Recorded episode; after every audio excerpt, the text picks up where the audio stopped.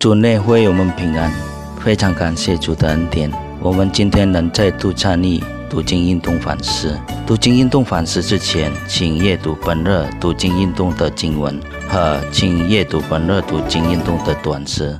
主内的弟兄姐妹们平安，感谢神，我们有机会来聆听他的话语。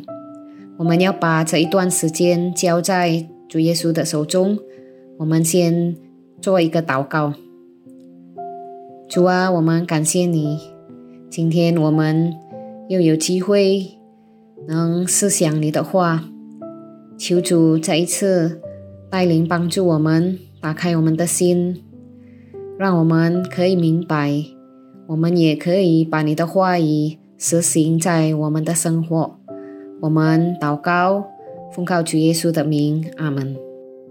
我们今天反思经文，起自于历代之下十一章第五节到十二章第十六节。我要请大家来注意十二章第五到第八节。那时，犹大的首领因为厮杀就聚集在耶路撒冷，有先知是玛雅去见罗伯安和众首领，对他们说。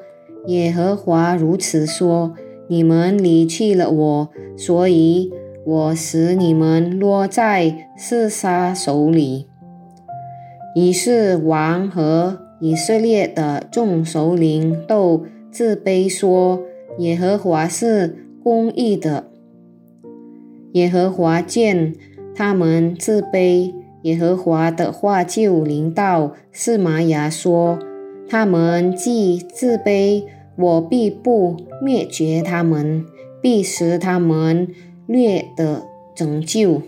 我不借这厮杀的手，将我的怒气倒在耶路撒冷。然而，他们必做厮杀的仆人，好叫他们知道服侍我与服侍外邦人有何分别。我们要思想的题目是刑法中的恩典。虽然以色列分为北国和南国，但是上帝对犹大和便雅明的看顾和恩典并不改变。他赐福犹大国，在罗伯安的治理之下，犹大国强盛，从以色列全地的。众祭司和利未人跪向罗伯安，因为以色列国的国王耶罗伯安设立了敬拜牛犊，成为新的敬拜形式。此外，以色列各支派中凡立定心意跟随耶和华的人，都随从利未人来到耶路撒冷。他们支持和兼顾犹大国，使得罗伯安强盛了三年之久。这一切都有于耶和华对罗伯安和犹大赐下的恩典和看顾，因为他们寻求上帝。但是很可惜的是，当国家强盛后，罗伯安和犹大的百姓却离开耶和华。他们得罪了上帝，上帝就使用埃及和王示撒攻打耶路撒冷。敌人当前，他们该如何面对呢？当先知示玛雅传达神的话时，他们给了恰当的回应。他们应离开了上帝。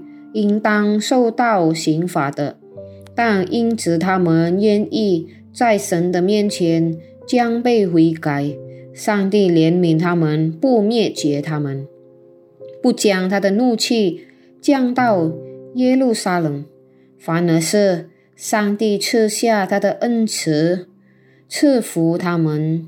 可见耶和华是满有恒久忍耐的心，他的。信实慈爱是如此丰盛，忘记上帝的恩典，确实能使我们远离他。当我们一帆风顺，生活处于鼎盛时期，一切都舒适安稳的时候，我们倾向于依赖自己的财富和才干来过活。这使，我们不再诚心的来爱上帝，不再顺服他的旨意。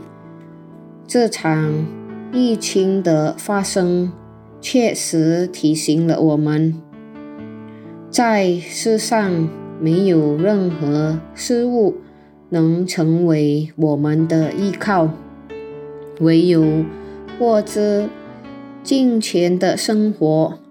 有一颗敬畏上帝的心，才能让我们真正经历到什么是上帝的恩典。神的恩典并不是物质上的满足、生活富足有余，而是当处在任何情况下，我们仍然懂得感恩，依然感到。平安喜乐，我们的心灵的释放，没有任何空寂感，不论是对未来的担忧，甚至是对死亡的恐惧，这是上帝赐给我们每个信靠他的人的极大恩典。主内的弟兄姐妹们。我们来反思，在您的一生中，您已经经历过主的哪些恩典呢？您能不能把它列出来，为此而感恩呢？我们来祷告，主啊，我们感谢你今天的反思，再一次。提醒了我们，你的恩典不单单够我们用，但是你的恩典是丰丰富富的。当我们犯了罪，你都愿意饶恕我们，我们真的很感恩。主帮助我们，我们每天过的日子，我们要更爱主，我们的生活要讨你的喜悦，求主帮助，谢谢主。我们祷告、祈求，奉靠主耶稣的名，阿门。主内的弟兄姐妹们，我们以后再见。上帝赐福于我们，阿门。